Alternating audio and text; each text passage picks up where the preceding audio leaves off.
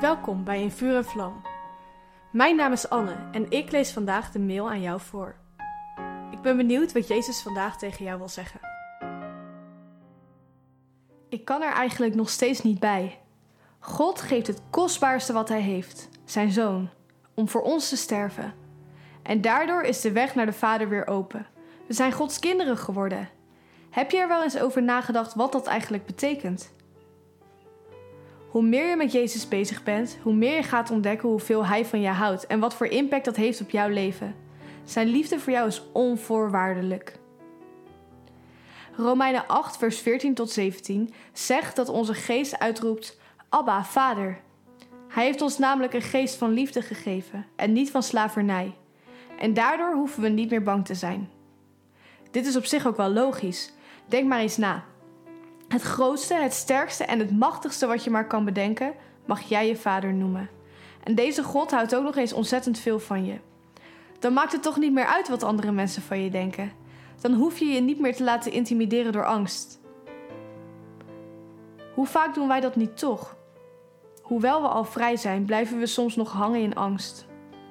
Angst voor anderen, angst voor wat anderen wel niet van ons denken of angst voor wat dan ook.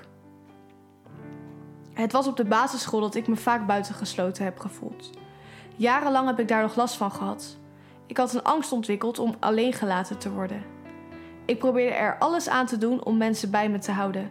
En wanneer iemand dan ook maar enige interesse toonde in iemand anders dan in mij, raakte ik al in paniek. Maar door intiem te zijn met God, door Hem op te zoeken en door Zijn woord te lezen, heb ik ontdekt wie ik ben in Hem. Ik ben langzaam maar zeker op Hem gaan vertrouwen want ik weet dat Hij me nooit alleen laat. Ik weet dat Zijn liefde voor mij onvoorwaardelijk is. Hij is alles wat ik nodig heb. Ik kan Hem vertrouwen omdat ik Zijn kind ben. Jij mag Hem ook vertrouwen. Hij is je vader en Hij heeft al overwonnen.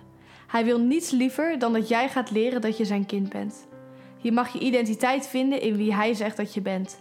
Zijn geliefde kind. Bid je mee? Vader, Dank u wel dat u mijn vader bent en dank u wel dat u perfect bent.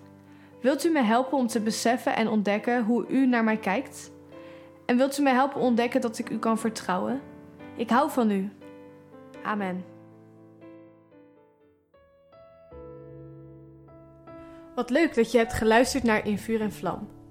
Heeft de tekst je geholpen om God beter te leren kennen? Deel In Vuur en Vlam dan met je vrienden. Meld ze aan op streef.nl slash in vuur en vlam.